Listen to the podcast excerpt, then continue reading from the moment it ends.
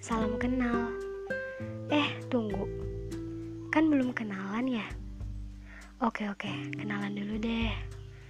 Karena ada pepatah bilang, tak kenal maka tak sayang. Makanya ayo kenalan sama saya, biar bisa saling sayang tanpa beban. Saya Agi Kareta Rikando, tapi lebih sering dipanggil ayah Duh, aneh kan? Tapi saya suka sama panggilan itu. Hmm, lucu.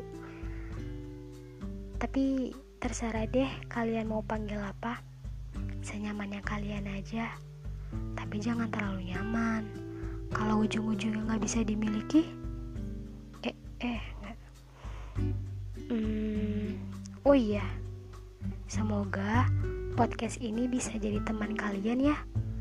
Apalagi kita ini manusia yang nggak bisa hidup sendirian. Selalu butuh teman untuk jadi perasa kehidupan.